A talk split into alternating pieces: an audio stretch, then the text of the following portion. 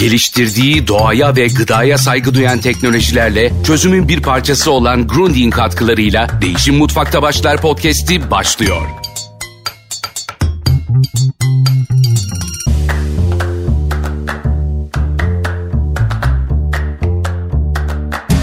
Olcay hoş geldin. Ee, Cemre ile aslında daha çok evdeki ve restoranlardaki durumu konuştuk. İşte atığı değerlendirme konusu ayrı bir konu ama hiç o atığa yol açmamak e, çok ayrı bir konu. Siz çok uzun zamandan beri aslında e, çok iyi işler yapıyorsunuz. Ortaya çıkışınız bence daha sonra oldu. Öncelikle bir Fazla'yı e, anlatmanı istiyorum. Nasıl kuruldu Fazla Gıda ve sen bu işe nasıl girdin? Tamam süper. Çok doğru yerden başladık. Teşekkürler öncelikle. E, fazla Gıda aslında fikirden evvel yani ne yapacağız ya da gıda atığından evvel e, daha temel bir misyonla kuruldu. Biz 2016 yılında e, bu sürece başladık. 2017 yılında fazla gıda aslında kuruldu. Fakat 2015 yılında Birleşmiş Milletler'in ortaya koymuş olduğu 17 tane sürdürülebilir kalkınma hedefi var global biliyorsunuz. E, bu hedefleri ben 2014'ün sonunda Ekim ayında Dublin'de bir One Young World diye bir zirvede e, dinleme şansım olmuştu. Aslında bütün hikaye oradan başlıyor. Tabii geçmişte farklı bir sürü şeyler var ama anlatmayayım çok uzatmayayım burada. Ama merak ee, ediyorum şimdi oraya neden gitmişti Olcay neden oradaydı? evet yani aslında çok böyle sosyal sorumluluk proje içerisinde yer alıyordum. Daha önce işte Kenya'da kırsal alanda çocuklar işte diş fırçalama eğitimini verme gibi projede yer aldım. Türkiye'de işte e, kırsal alanda finansal kaynaklara erişimi nasıl artırırız gibi çalışmalarda bulundum. Gıda ile ilgili birkaç çalışmada bulundum. Bunların aslında özet olarak çalıştığım kurumdan bir delege olarak oraya aday gösterildim ve e, gitme şansım e, oldu. Gittiğimiz zaman aslında işte 30 yaş altı gençlerin dünyadan gelip sürdürülebilir konusunda yaptığı projeleri anlattığı e, bir zirve. Her sene farklı bir ülkede gerçekleşiyor. Bu zirvenin şöyle bir güzelliği var. Yani şöyle bir farkı var. İşte Muhammed Yunus gibi, işte Kofi Annan gibi, ülkelerin cumhurbaşkanları gibi çok hani güçlü bir kadronun hem konuşmacı olduğu hem de e, tüm dünyadan seçilmiş çok güzel proje anlatıldığı bir zirve. Dört gün e, dolu dolu. Orada bizim şansımız şuydu. Bu 17 tane hedefin ön lansmanı yapıldı. Asıl 2015'te daha çok lansmanı çıktı ve ben Türkiye'ye döndüğüm zaman yani hiçbir örneğin Türkiye'den orada olmadığını, bizim dinleyici olduğumuzu görmem beni çok rahatsız etti aslında. Bu bir sorumluluk yükledi. O zaman yani e, Türkiye'den anlatılan bir örnek yok Yoktu, muydu? Yok. Biz Ay çok, dinleyici olarak vardık. Ya çok üzücü aslında evet, yani ama işte hep hep onu söylüyor. Java adalarından bile yani örnek vardı. Sahnede dinliyoruz. Güney Afrika'dan işte Afrika ülkelerinin çoğundan da vardı burada ilginç projeler vardı ama Türkiye'den yoktu. E, dolayısıyla bir bu konu var. E, bir yandan da ben böyle aktivist değilim. E, hep böyle sistemsel dönüşümlere inanıyorum. E, ve aslına bakarsanız en çok da konuşulan kavram tartışmadan bir tanesi sosyal girişimcilikti orada. Sosyal girişimcilik nedir? Şimdi mesela Türkiye'de yeni yeni bu sene biraz daha oturmaya başladı. Geçmişe baktığınız zaman STK ile sivil toplum kuruluşları karıştırılıyordu. Aslında sosyal girişimcilik serbest piyasa koşullarıyla bir iş modeliyle ölçeklenebilen belki teknoloji kullanarak belki kullanmayarak ama bir iş modeliyle e, aslında toplumsal çevresel bir sorun çözen bir girişim. E, bir dakika biz aslında Türkiye'de bunun bir örneğini yapabilir miyiz? E, hangi konuyu yapmalıyız derken zirve dönüşünde e, bu sorun aslında öncelikle 17 tane hedefi ben bayağı detaylı inceledim. Yani aslında bir, bir buçuk yılım bu hedefleri inceleyerek geçti. Akabinde tema seçmek gerekiyordu. E, bu tema aslında iklim eylemi en çok konuşulan konuydu e, o zirvede. İklim eylemine baktığımız zaman da karbon ayak izinin %8'i gıda atığından oluşuyor. Evet. E, ve ben gıda atığı konusunda biliyorum az çok. Dolayısıyla bir dakika buna biraz daha eğilelim e, dediğim bir aslında gündem oldu. Hatta alternatif bir tema da vardı. O noktada hangisine yatırım alınabilir, hangisi daha ölçeklenebilir, zamanlama bunları tartıştık ve gıda atığı temasına aslında yönelmeyi e, tercih ettik. E, akabinde de aslında oturup bu sefer gıda atığı sorunu nedir? Bir kere bunu bir anlamamız lazım deyip literatür taramasına yine başladık e, ve e, food recovery hierarchy aslında gıda geri kazanım hiyerarşisini bulduk. Ve bunu tabii niye İngilizce söyledim? Türkçe bir kaynağı yoktu. Yok. Amerika Çevre Koruma Ajansı'nın çıkartmış olduğu yeni olmayan yani hep aynı şeyi söylüyorum. Tekerleği baştan keşfetmedik. Böyle bir hiyerarşi vardı 30-40 yıl boyunca. E, bunu biz aldık Türkçe'ye çevirdik, literatüre kazandırdık ve kamu kurumları dahil kapı kapı gezip bu hiyerarşiyi anlattık ne olması gerektiğini. Ama asıl şuraya geleceğim. Biz bu hiyerarşiyi inceleyip sonra dönüp bu hiyerarşiyi hangi ülkeler uygulayabilmiş, hangileri uygulayamamış, uygulayamayanlar niye uygulayamamış Bunların hepsini analiz ettik ve birçok ülke ziyareti yaptık bu arada. Yani 2016-2017'de e, ortamla da beraber ki hala geçen yıl yaptık şimdi yapıyoruz. İşte Moskova'sından Berlin'e, Milano'sundan Londra'sına gecenin 10'unda gidip gıda bağışçı toplama operasyonlarına katıldık. Bu arada bunların hepsini kendiniz fonluyorsunuz. Tabii tamamen kendimiz fonluyoruz ondan sonra. Yani nasıl girişimci olunur falan diye soruyorlar. yani böyle hiç işte kolay değil. Değil. Ee, bayağı bir risk alınıyor. Aynen. Ee, ve hiç kimse e, başta böyle parayı da bulup bu işlere girmiyor aslında. Doğru. Sonrasında aslında şey yani biz bu işi nerede yapmalıyız? Önce biz Türkiye'de bu işi yapacağız. Kapımızın önünü süpüreceğiz diyerek aslında Türkiye'den başlayalım dedik. Ve bu noktada dönüp ya Türkiye'deki durumu analiz etmemiz lazım. Ciddi anlamda zamanımızı da işte firmalarla, belediyelerle, derneklerle görüşerek aslında uzman görüşmeleri yaparak mevcut durumun resmini çekmekle bir yani 8-9 ay aslında görüşme yaptık.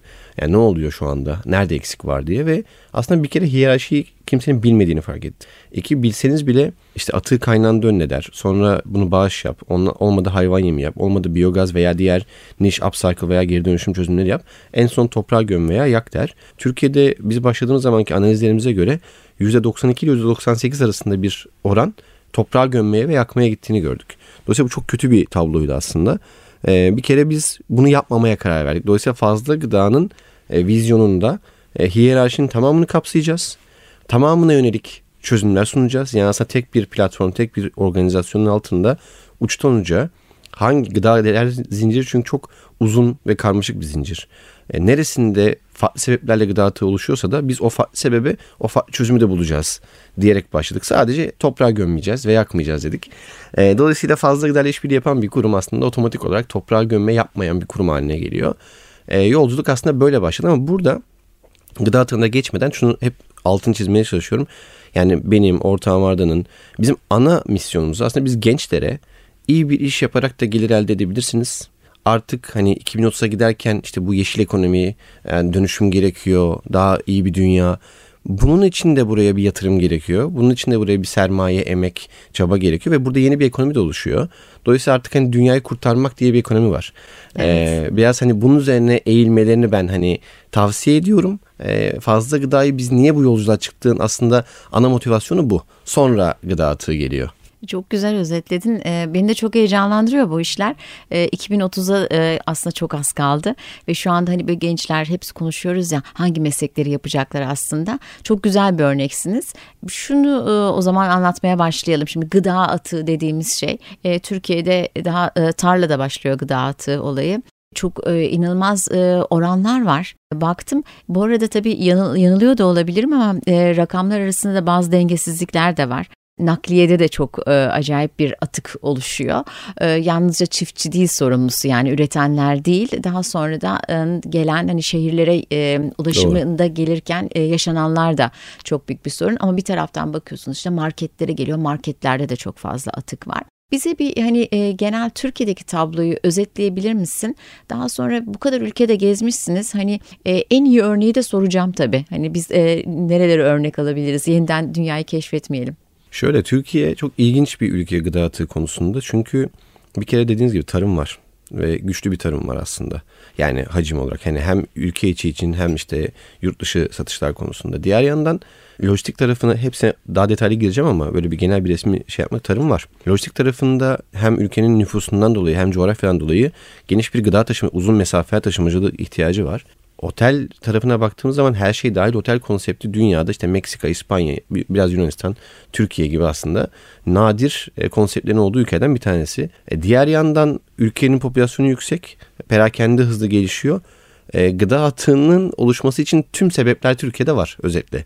E, bunun neden evet yani mesela bazı ülkeler vardır e, komple yani çoğunu mesela işte ithal eder. Örneğin onun için taşımacılık veya depolama daha önemlidir. Tarım o kadar değildir. Biz de tarıma da bakmamız lazım. Perakendeye de bakmamız lazım. Şimdi tarım tarafında birkaç tane ana problemimiz var gibi görünüyor.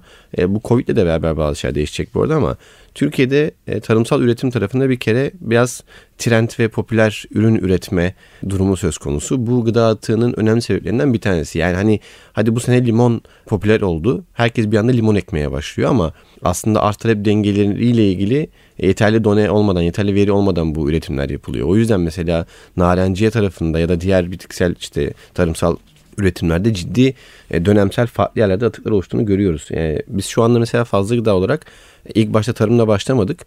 E, bu sene e, tarımla ilgili bir çalışma başlattık. Hani 2022 içinde çözelim diye değil. 2023 itibariyle nasıl bir ekip kuralım, nasıl bir çözüm gerekiyor tarım tarafının. Çünkü çok kompleks. Neden? İşte çok bugün Ödemiş'te çıkan patates atığının yerine e, fazlasının yerine diyeyim. Yarın bir anda işte Karacabey'de domates, sonra işte bir anda işte güneyde limon. Bunlar değişebiliyor ve gerçekten çok seri zamanlamaları yakalamak gerekiyor ve hacimler çok yüksek oluyor. E, bu noktalarda tabii şey de eksik. Yani yani tarım... Çok üzücü değil mi? Bir taraftan bunlar var. Hani şimdi son zamanlarda da çok haberini de yaptık. E, bir taraftan da gerçekten çok yoksullaşma var. E, açlık var. İnsanın içi gidiyor yani gerçekten. Kesinlikle. Bunlar niye atık oluyor? Kesinlikle. Niye ulaşmıyor? Ya işte gıda konusunda e, zaten gıda atının o son dakika çözümü de tarım tarafında da hepsinde aynı yere bağlanıyor. E, fazla gıdada bizim önem verdiğimiz konulardan bir tanesi de o.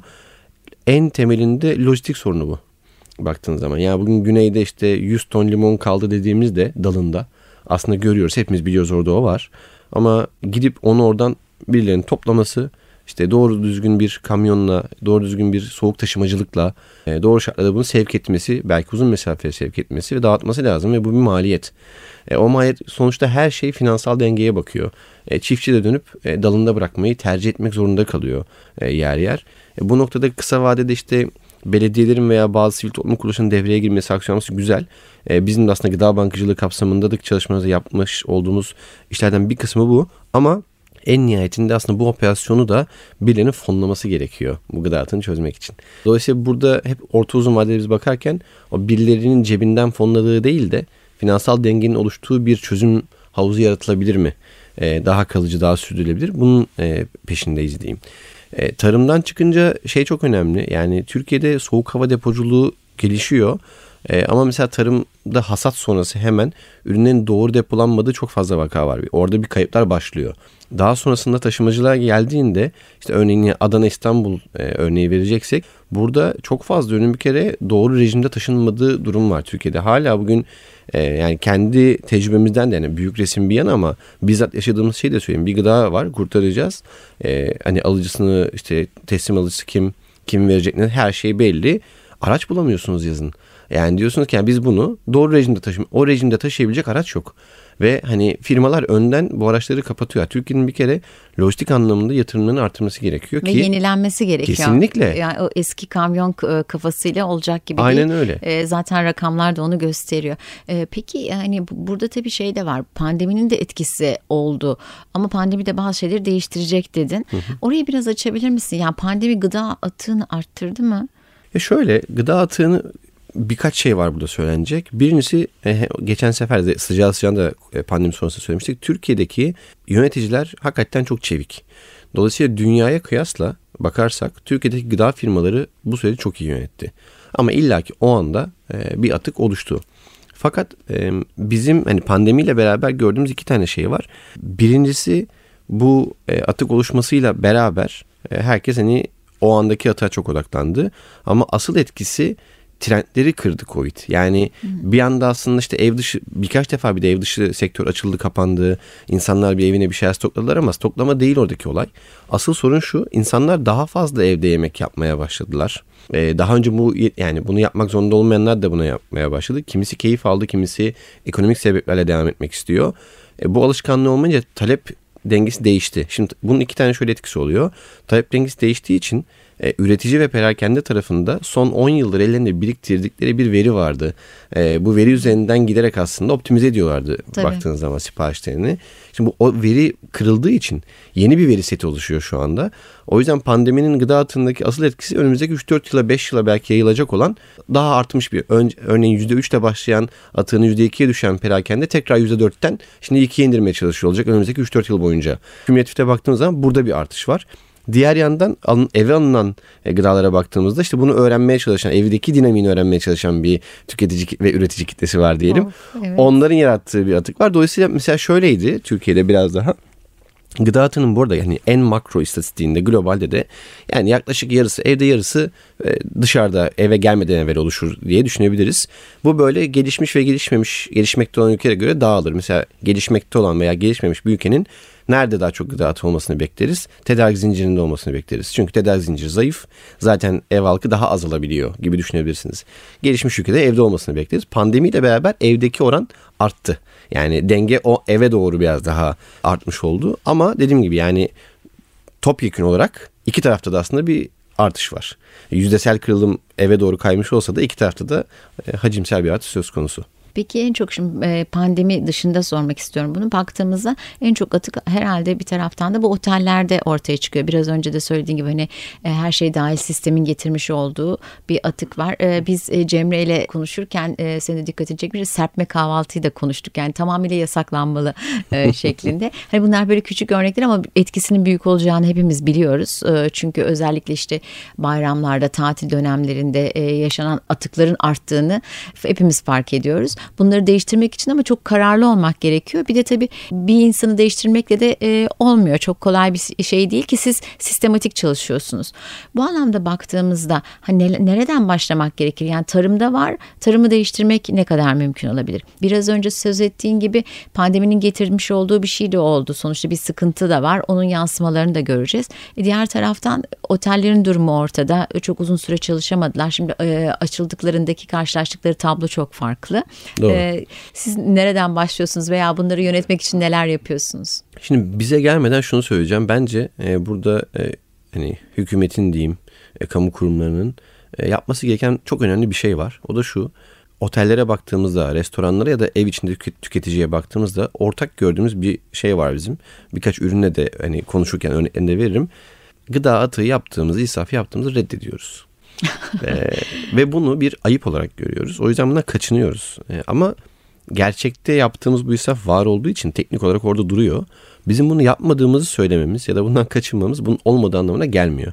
Şimdi hükümet ve kamuya buradaki düşen görev şu e, bence. Tüm kurumların her şeyden evvel yani otellerin, restoranların, işte distribütörlerin, üreticilerin e, gıda atıklarını ölçmesi ve raporlaması üzerine bir e, sistem geliştirilmesi lazım. Sistemden kastım bir teknoloji sistemden bahsetmiyorum burada. Yani bir teşvik sistemi olabilir ya da bir zorunluluk olabilir bilmiyorum. Ama mesela şu anda global işte Food Loss and Waste Protokol diye bir şey var. Yani artık global anlamda firmaların e, gıda atıklarını nasıl ölçmeleri gerektiğini e, anlatan metodolojiler ortaya çıktı. Bu çok basit şeyler aslında. Yani Excel formatında da yaparsınız, başka türlü de yaparsınız. Önemli önemli olan o veriyi toplamanız, ona bakmanız. Neden bu önemli? Bir otelin genel müdürü veya sahibi o veriyi gördüğü zaman cebinden çöpe attığı parayı görecek. Bunu görmediğinde aslında inanılmaz bir değer kaybediyor. Yani şöyle çok mesela özet otelden girdiğimiz için söyleyeyim. Türkiye'deki her şeyde otellerin ortalaması biz 5 tane farklı segmentte yani en premiumdan biraz daha alta doğru 5 e, tane otelde detaylı fizibiliteler yaptık. Her bir otele bir ay zaman harcadık bu arada. Yani yerinde ölçümler, veri analizleri vesaire. Ortak paydasını söyleyeyim size. Yaptıkları satın almanın e, gıda satın almasının %35'ini çöpe atıyorlar. Şimdi bu, bu bazı otellerde yıllık satın almanın mesela 30 milyon TL olduğunu gördük. 10 milyon liralık bir atık var. Yani ve bu gerçekten göz göre göre oluyor. Aslında o ölçümü yaptığınızda rakamı gördüğünüz zaman zaten size hepsini bir anda çözemeyebilirsiniz ama onun %30'unu bile çözseniz 3 milyon lira tasarruf ediyorsunuz bir otel. Yani Türkiye'de bine yakın otel var. Hani her şey dahil tarafında baktığınızda. Şimdi 3 milyar lira tasarruf bir anda sadece ölçüm ve alınacak ufak aksiyonlarla çıkabilir. Yani onun yarısında bile düşse inanılmaz bir tasarruf. İn, inanılmaz bir aynen öyle. Dolayısıyla burada ölçüm ve raporlama e, çok önemli. Bir kere bu hani bir döngü var. Beş adımlı bir döngü var bu atık sorunu çözmek istiyorsanız. Biz de aslında hep buraya odaklanıyoruz. Yani fazla gıdanın evet biz pratik çözümler sunuyoruz. Teknoloji tabanlı çözümler sunuyoruz. Ama hepsinin beslediği yer ne olursa olsun biz dönüp veri raporlaması yapıyoruz firmalara. Bakın hani bunu bağış yaptınız ama bu bağışın verisi bu üretiminizi buna göre optimize edin. Ya da işte hayvan yemi buraya gitti ya da böyle bir satış yaptınız ama bakın bunu aslında onların gözlerinin önüne getiriyoruz ki aksiyon alsınlar bununla ilgili. Çünkü gıda dediğimiz şey çok sezonsal, çok trendler değişiyor. Yani işin doğası gereği her zaman bir fire atık olacak bunu biliyoruz. Bizim bunu minimize etmemiz lazım. O yüzden de sürekli bu veriyle beslenmesi, bu döngünün kırılmaması gerekiyor veriyi besleme anlamında. E, otellerde durum böyle. Rest, yani Horeca tarafı Şimdi rakamlar tabii yüzler değişti. Çok da raporlara da güven de olmuyor açıkçası onu da söyleyeyim. Yani e, müthiş daha dediğim gibi e, oteller kendi datasını bilmediği için makroda yapılan çalışmalar biraz daha varsayımsal. Yani birkaç tane çalışma yapıp uzaya doğru genişletilen e, çalışmalar. E, ama yine de işte %30'lar seviyesinde bir Horeca Otel Restoran Yemekhane kanalında bir e, atık israftan bahsediyoruz. Keza burada otellerde yaptığımız çalışmaları yemekhanelerde de yaptık. Yemekhaneler tabii daha şanslılar şey açısından. E, hani kaç kişinin geleceği en azından belli iş yeri yemekhaneleri vesaire. Ama ona rağmen orada da farklı sebeplerle kalıyor. İşte kimisi yemeği tuzlu bulduğu için o gün kimse yemiyor. E, ya da işte o gün lezzetini beğenmiyor. E, az geliyor çok geliyor. Böyle şeyler de büfede kalıyor.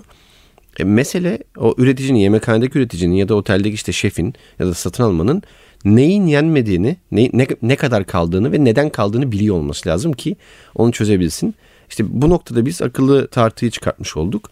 Ben de onu soracaktım. Akıllı tartı çok değerli bir e, iş bence. Ondan önce bir şey eklemek istiyorum. Evet. Bununla ilgili bir e, yazı okumuştum. Özellikle yemekhane deyince de hemen aklıma geldi. Okul yemekhanelerinde çok ciddi bir sorun var. Yemek e, yani yemek şirketleri genelde gençlere hitap eden menüler yapmaktan çok uzaklar ve çocuklar da e, maalesef bu konuda daha duyarsız e, diye. E, şimdi bunlar değişiyor. Biliyorum ki e, şey Z kuşağı çok daha farklı geliyor. E, zaten e, senin de çok yakından takip ettiğin bahsettiğin gibi iklim konusunda çok daha hassasiyetleri var. Fakat beslenme biçimleri de değişiyor. Ama okullara gittiğimizde o aynı şey. Benim büyüdüğüm zaman ki ben bakıyorum böyle yemeklere aynı şeyler çıkıyor. Doğru. Ve belki de çocuklar hayatları boyunca o yemekleri pek yemek istemeyecekler yemek şirketlerinin de kendisini değiştirmesi gerekiyor. Bence hitap ettikleri kitleye göre de yaşa göre de çok farklılaşmaya ihtiyaç var.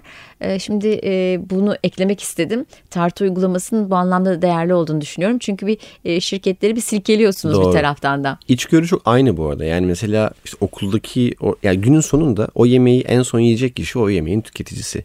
Ve yemekhanelerin ya da işte otellerin o tüketiciyi dinlemesi anlaması lazım ki yani hem memnuniyeti artırsın. Bu arada yani sadece israfla mücadele değil aslında biz işin biraz orasından da bakıyoruz. Yani mesela bir yemekhaneye gittiniz diyelim ki işte bamya yemeği çıktı. Ben çok severim ama arkadaşlar sevmiyorlar. Yani yemiyorsa e, dönüp o gün o bamya yemeğinden işte ne bileyim 100 kilosunu çöpe döktüyseniz bunu biliyor olmanız lazım. Bunu bilmenin yöntemi onu ölçmek.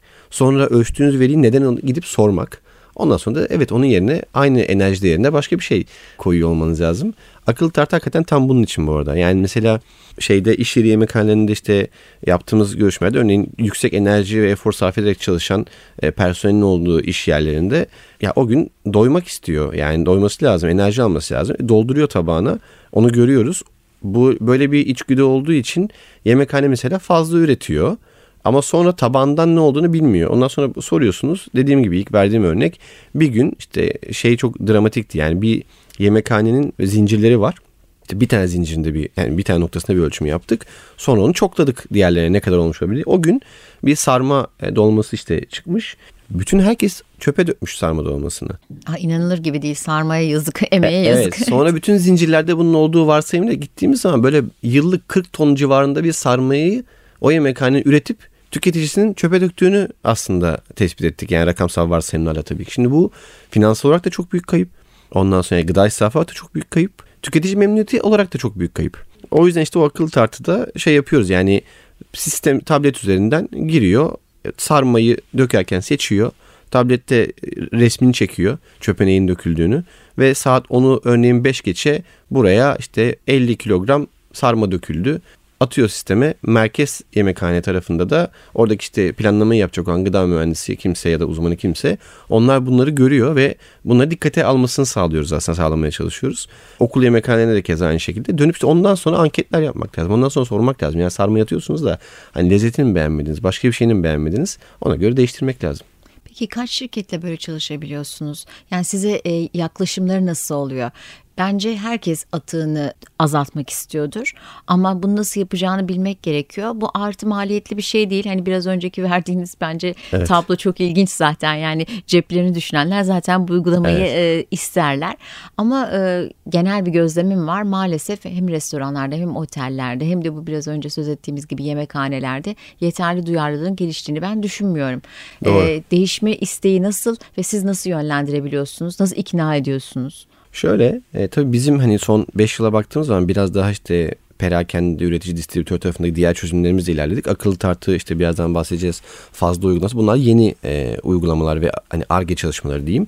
Bu tarafta daha yeni deneyimliyoruz ama ortak şunu söyleyebilirim. Aslında en temelde değişmesi gereken düşünce şekli şu. Biz hep şunu duyuyoruz. Ya ben çok iyi bir şey yapayım. Çok sürdürülebilir olayım. En iyi uygulamayı yapayım ama cebimden bir şey çıkmasın.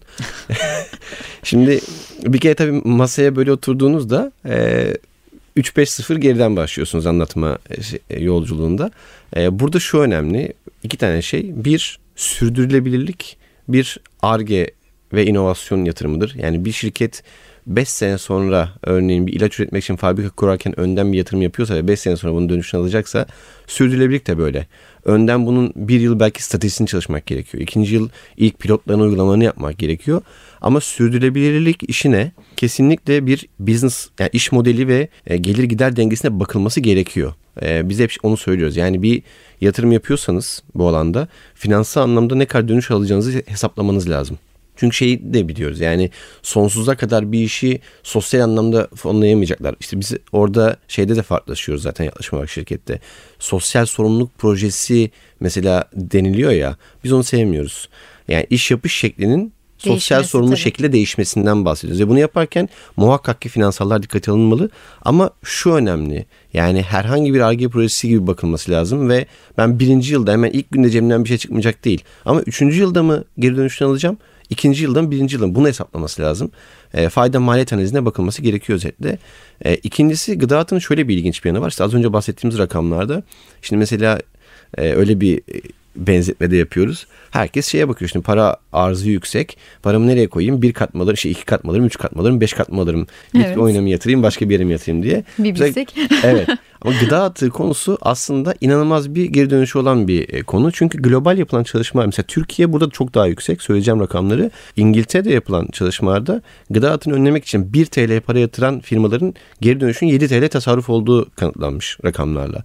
Türkiye'de ama orada mesela her şeyden otel yok. Tedarik zinciri çok daha iyi durumda vesaire. Türkiye'deki biz uyarlamalarımızı yaptığımız zaman bunun 14 üzerinde bir çarpım olduğunu görüyoruz. Yani bugün dönüp de işte bir her şey dahil otelin cebinden 1 TL bir yatırım yaptığında gıda önlemek için ya en az 14-15 TL tasarrufu olacağını ve bunun her sene olacağını kümülatif baktığınızda sonsuza kadar giden bir döngü. Çünkü bir defalık da bir şey değil. E, bunun bir yatırım e, olduğunu herkesin anlaması gerekiyor. Ancak o zaman bakış açısı değişebilecek aslında. Valla e, anlamazlarsa işleri çok zor diye düşünüyorum. Hele bu e, şartlar bu, altında. Yani evet. gıda tedariğinde sorun var. E, işte faturalar artıyor bu kadar. Yalnızca Türkiye için değil bu arada. Dünya içinde çok büyük bir sıkıntı var. Doğru. Önümüzdeki yıllarında hiç kolay geçmeyeceği ortada. E, pandemi bir şeyler öğretti ama neler ne kadar öğrendiğimizi bu zaman içinde göreceğiz sanıyorum. Hem akıllı tartı uygulaması siz adım adım herhalde planlıyorsunuz. Önümüzdeki yıl mesela nasıl geçireceksiniz akıllı tartı uygulamasıyla birlikte? Şimdi bu sene e, ilk pilotlarını yapıyoruz. E, işte perakende firmaları, yemekhaneler, otellerde e, yaklaşık e, şu ana kadar sanıyorum 5 tane tartı yerleştirilmesi e, yapıldı, yapılıyor. E, bu sene amacımız 40-50 tane noktayı bu yerleştirmeyi yapıp e, yerindeki vakaları detaylı bir şekilde inceleyip aslında örnek tasarrufları ortaya koymak, ne bileyim daha geliştirecek noktaları belirlemek. E, burada gittiğimiz nokta özellikle aslında öğrenen teknoloji, yani AI üzerine gidiyoruz biraz daha. E, ve resimden bahsetmiştim. Yani evet. tartı yemeğin resmini çekip kendisi tanıdığı, e, onu zaman serisine göre tuttuğu ve velilerin geçtiği bir havuzdan bahsediyoruz. Bir kere e, Türk yemek kültürüne has bir aslında görsel tanımlama teknolojisi de üzerine çalışıyor olacağız. Yani dönüp de kuru fasulyeyi tanıyan bir aslında mekanizma olmuş olacak burada evet, baktığınızda. Anladım. Peki bunun yazılımlarını hep e, Türkiye'den ha, mi evet. arkadaşlar yapıyor? Bizim kendi ekibimiz kendi aslında ekibimiz. tamamen çalışıyor. Hiçbir yazılımı dışarıdan almıyoruz. E, bu anlamda aslında 2023'e de şöyle getireyim. 2022'yi Türkiye'de böyle deneyimledikten sonra 2023 itibariyle bu ürünü Avrupa pazarına da aslında çıkartmak istiyoruz. Yani Almanya'dan da başlayarak. Çünkü globalde mesela akıllı tartının rakipleri var.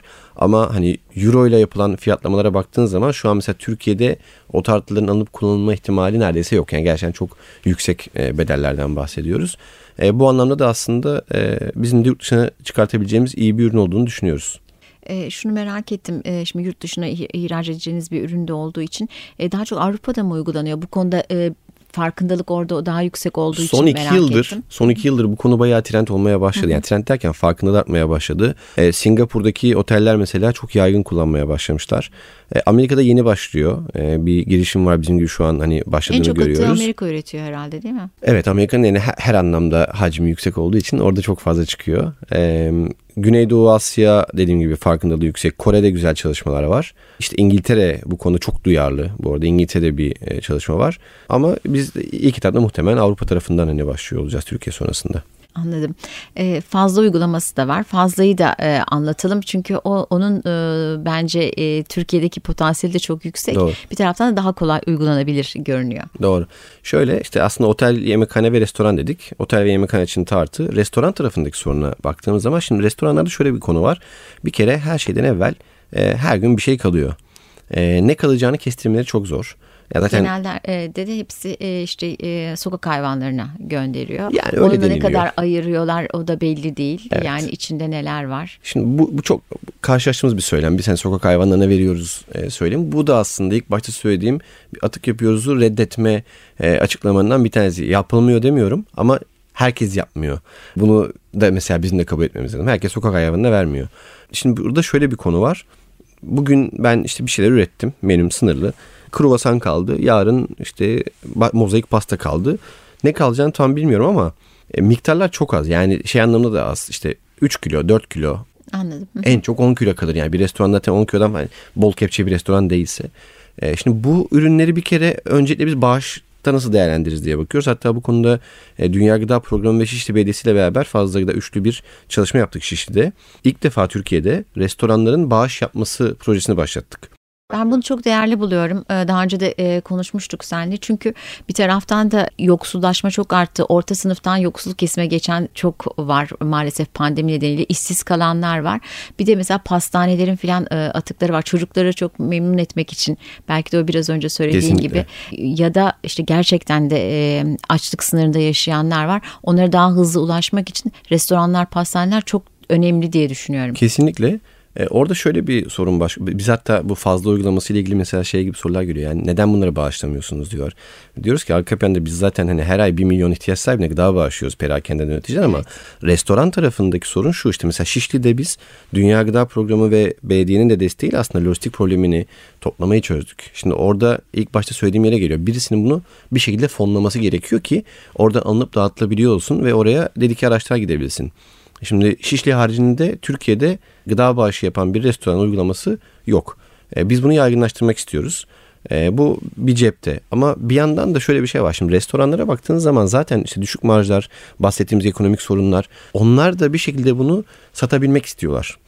E, bir yandan fiyatlar artmış tüketici için de fayda sağlanabilir. Aslında dünyada e, çok yaygın yayılmış bir model var. Too Good To Go bunu aslında çıkarttı. Zaten hani mesela fazlayı biz kendimiz böyle direkt keşfetmedik. 2016 yılında Paris'te gıda atını incelediğimiz dönemde Too Good To Go yeni başlamıştı. Ama biz Türkiye'ye döndüğümüz zaman önce hangisini yapalım diye baktığımız zaman dedik ki yani daha Türkiye'de bağış uygulaması yok. Önce bağış yapmamız lazım. Sonra diğerlerini yapıp en son bu tarafa geliriz diye. Fazlaya bugün öyle geldik. Şimdi restorandaki sorun şu tekrar özetlersem gıda atının miktarı az. Bu az miktar için oraya gıda bağışı için vesaire aracın gelip gitmesi fonlanamıyor. E, bu noktada aslında tüketici her yerde. Yani o restoranın en yakınında oturan insanlar var. Ve bu insanlar aslında yürüyerek gidip oradan alsalar bir kere lojistik sorunu çözüyoruz. Ama mahalleyi kalkındırmak gerekiyor. A- aynen öyle. Aslında bir nevi yardımlaşma gibi yani. Zaten hep şey vardır. İşte Twitter'da vesaire görürüz işte. Finlandiya'da işte %50'ye satıyorlarmış indirip işte. Orada bedava bizim ülkemizde olmaz. Oluyor var ülkemizde de. E, tüketicinin burada artık harekete katılması gerekiyor. Biz fazla da ilk defa bunu deneyimliyoruz. Yani tüketicinin tepkileri, e, oradaki aldığı aksiyon. Ee, özellikle mesela şey çok söylüyorlar. Şimdi bu fazla uygulaması nasıl, nasıl çalışıyor onu anlatayım. Sonraki e, Aynen. insa içgörülere geleyim. Buraya restoran günün sonunda akşama doğru kalmasını beklediği bir po- porsiyon, iki porsiyon ürünü varsa diyor bir ilan açıyor. Diyor ki işte iki porsiyon ürünüm kalacak benim tahminen diyor ama ne olacağını bilmiyor. Taze vermesi lazım. Yani dünden kalanı vermemesi lazım. O günün ürünü verecek. O yüzden Taze ama fazla. Evet aynen öyle. O yüzden sürpriz kutu yani o da bilmiyor tüketici de bilmiyor. Diyor ki yani benim menüm ortalama fiyatım 50 TL bir porsiyon. Üstünü çizdim 25 TL'ye ben buraya bir sürpriz kutu bırakıyorum. E bunu e, tüketici fazla uygulaması üzerinden gelip e, rezerve ediyor demesini yapıyor. E, ve Son 2 saate kadar aslında iptal etme hakkı var bu arada. O zaman iade alıyor parasını geriye. 2 saat kaladan sonra artık iade edemiyor. Çünkü restoran başkasına satmamış, rezerve etmemiş olduğu için. Örneğin saat 7'de gel al diyor. Yani 7 ile 8 arasında alabilirsin diyor restoran. Öyle açıyor ilanını. Ben işte saat 10'da aldım ödemesini yaptım. Biliyorum ki saat 7'de işte benim evime yakın, ofisime yakın neredeyse X restoranı var. Buraya gideceğim ve buradan 25 TL'ye normalde 50 TL değerinde olan ve o gün üretilmiş ve kalacak olan ürünleri alacağım. Bunu te, yani eve alıp götürebilir. Bazen restoranda da yiyebilir. O tamamen oradaki ilişkiye bağlı.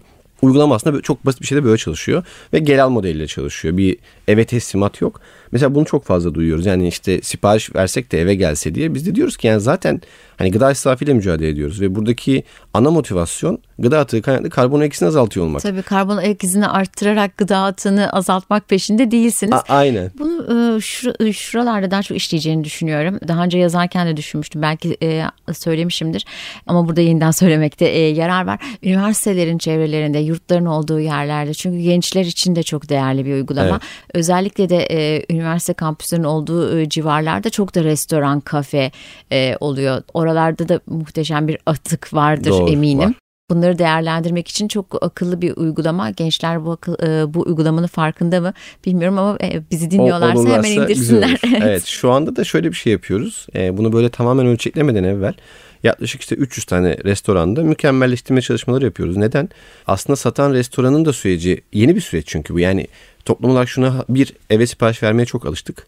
E, iki ürünü seçiyorsunuz normalde. Burada ürünü seçmediğin e, Gelal modeliyle çalışan yeni bir konseptten bahsediyoruz. O yüzden bunu hem restoranlar tarafında daha doğru bir şekilde yönetilmesi için çalışıyoruz. Paralelde de tüketicilerin geldiğinde aslında deneyimlerini dinliyoruz onlardan. O yüzden yaymadan evvel hani en iyi nasıl oturturuz diye bakıyoruz. İlginç tepkilerle karşılaştığımızda oluyor. Mesela işte hani sipariş vermiş mesela bir tüketicimiz. E, sonra mesela ya ürünüm gelmedi e, diyor. Aslında bir adres falan da almadık hani ve yazıyor gelen olduğu. Burada şeyi gördük mesela ilk olarak aslında. Biz ne kadar söylesek de hakikaten eve teslimat olayı çok e, kemikleşmiş. Peki şöyle bir şey olabilir mi? Hani işte e, getir yemek sepeti gibi uygulamalar var. Trendyol yemek var artık yani. Hani, bak bunlarla bir işbirliği olabilir mi? Düşünüyoruz. E, onunla da değerlendiriyor Eğer olacağız. bu kadar böyleyse tabii, yani, tabii. yani bu şey kadar değiliz. geliştiyse. Talebe tamamen karşı değiliz zaten. E, onu değerlendiriyoruz ama önceliğimiz bu modeli bir oturtmak. Ondan sonra aslında evet bir de böyle talepler var. Onu nasıl yaparızı değerlendirmek. Yani bunda da artı ayak izi e, oluşturmamak için, karbon ayak izi oluşturmamak için belki de zaten o, giden zaten bir giden evet, bir evet. araçla olabilir. Hani o bekleme süresi değişir. Atıyorum 15 dakika 10 dakikada Aynen. değil de yarım saatte 40 dakikada e, olabilir. Yani bu o kadar bu yazılımlar sayesinde Doğru. o kadar akıllı sistemler kurulabiliyor ki e, bunları bekliyoruz artık. Bunu belki. değerlendirmemiz gerekiyor kesinlikle katılıyorum buna. Eee Burada şey önemli gerçekten. Şimdi ilk başta dedim ya işte Avrupa'da var, öykünüyoruz, hoşumuza gidiyor. Too Good To Go'dan bahsettim. Yani Too Good To Go şu an tüm Avrupa ülkelerinde inanılmaz kullanılıyor. İsviçre gibi nüfusu hani nispeten çok küçük olan bir ülkeye baktığınız zaman 1 milyon tane e, kullanıcısı var Too Good To Go'nun İsviçre'de. 1 milyon İsviçre'de. Evet ve hani İsviçre bize göre e, fakir bir ülke değil biliyoruz değil mi? Yani Tabii. çok çok daha hani iyi durumdalar. E, ve hani oradaki vakaları inceledik. Hani gerçekten insanlar atlayıp e, kendileri gidip e, uzun mesafeler yol alıp manavda kalan ürünleri kurtarıyor, perakendeden kurtarıyor ve çok ciddi tasarruf ediyorlar bu arada. Ya peki Olcay şu yani ben de e, aslında hepimiz yeni yeni değişiyoruz. E, çok üzülüyorum bu kadar. Bizim kültürümüzde aslında vardı bu hani e, bu atıkları değerlendirme. E, birazcık e, sonradan belki de unuttuk ama şimdi yeniden hem e, bu iklim krizi için hem gıda tedariğindeki sorunlar için yaşadığımız bu ekonomik e, sıkıntılar için bir an önce değişmemiz gerekiyor. Kesinlikle. Bizim de serimizin adı Değişim Mutfakta başlar. Ben çok inanıyorum. İlk önce kendimizi değiştirmemiz Kesinlikle. gerekiyor. Ben şimdi sen bunları bütün anlattın. E, senin evini de merak ettim bir taraftan ve seni dinleyen arkadaşların da etkileniyorlar mı? Ben şu anlattıklarından e, etkilendim. Umarım e, bizi dinleyen restoran sahipleri de, şefler de çünkü şefler de önce oluyorlar. Bir, e, bir şef birçok şeyi değiştirebiliyor restoranda veya aynı şekilde işte bir otelde ama sen kendini nasıl değiştirdin? Yani ben mesela evde atığı düşürmeye çalışıyorum çok zorlanıyorum. Bazı hesapları takip ediyorum paylaşıyorlar yani onlar işte 200 gram 100 gram atıktan bahsediyorlar. Yani bizde öyle değil kilolarca atık çıkıyor yani her hafta evden. Doğru. Nasıl Güzel. değiştireceğiz? Hani değişim mutfakta Süper. başlar diyoruz. Bak bu kadar büyük otelleri değiştiriyorsak ilk önce kendini nasıl değiştirdin? Süper. İki, yani burada şeyden başlayayım önce. ilk söylediğimi söyleyeceğim. Aktivist değilim. e, insanların da bu konuyu çok aktivist seviyesinde ele almasının sürdürülebilir ve sağlıklı olduğunu düşünmüyorum. Ama farkındalığın artması hakikaten e, bakıp ne yapabiliriz buna demesi gerekiyor. Mesela şu an görüyorsun aslında elimde şey, termos Termosla var. geldin Ee, evet. Ben sürekli termosla geziyorum. Ee, bu hani dünyayı kurtardım mı termos kullandığım için? Hayır. Ama bir etkim oldu. Artık mesela farkındalığım o kadar arttı ki bu konuda. E, termosumu unuttuğumda bir kahveyi alıp bana karton bardak verdiklerinde kendimi suçlu hissediyorum gerçekten. Yani şu an bunu çöpe atacağım boş yere diye. O yüzden hep termosla geziyorum. Ben bunu çok gözlemliyorum. Özellikle yeni kuşakta kahve ve suyla ilgili asla hani onların cep telefonu gibi olmaya başladı bu termos konusu. Aynen. Umarım e, yani ileride bilmiyorum 5-6 ay sonra bir daha konuştuğumuzda daha da iyi olduk deriz. Kesinlikle mesela su e, arabada cam şişeyle gezerim. E, sürekli olarak aslında suyumu evden doldurup e, cam şişeyle gezdiğim bir sudur. Şimdi bu en temel kısmı. Ev tarafına baktığımız zaman şimdi aktivistle farkındalığı şundan dolayı söyledim. Eğer siz farkındalığınız varsa ve bunu hani doğru şekilde söylüyorsanız aslında hakikaten her şey değişmeye başlıyor. Ee, evde mesela bir yemek yaparken şöyle bir ıspanak yemeği yapıldı.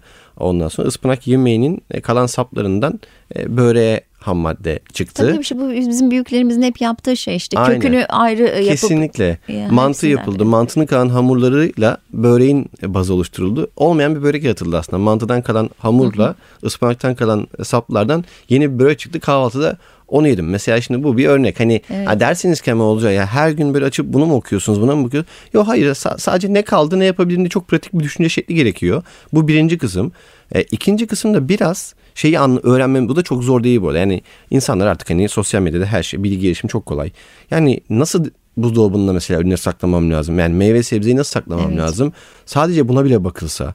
Ne bileyim işte sütü e, çöpe atmadan evvel yani TETT'si geçmiş tamam ama bir dilinle bir yokla bakalım hani gerçekten bozulmuş mu? Hani eskiden işte hani bunu yaparlarmış ya. evet, Cemre de çok güzel anlattı onu. Bazı ürünler bozulmuyor aslında son kullanma tarihi geçiyor ama mutlaka denemek gerekiyor. Veya işte onun söylediği gibi böyle sebzeleri yıkayıp koyup hani bir an önce onları tüketmek, yedi- e, yiyebileceğin kadar almak. Bunlar çok önemli şeyler. Yani aslında hepimiz evimizde çok küçük e, küçük değişikliklerle büyük bir değişimin parçası Tabii. olabiliriz. Evet mesela ben işte sabahları örneğin maydanoz suyu içiyorum.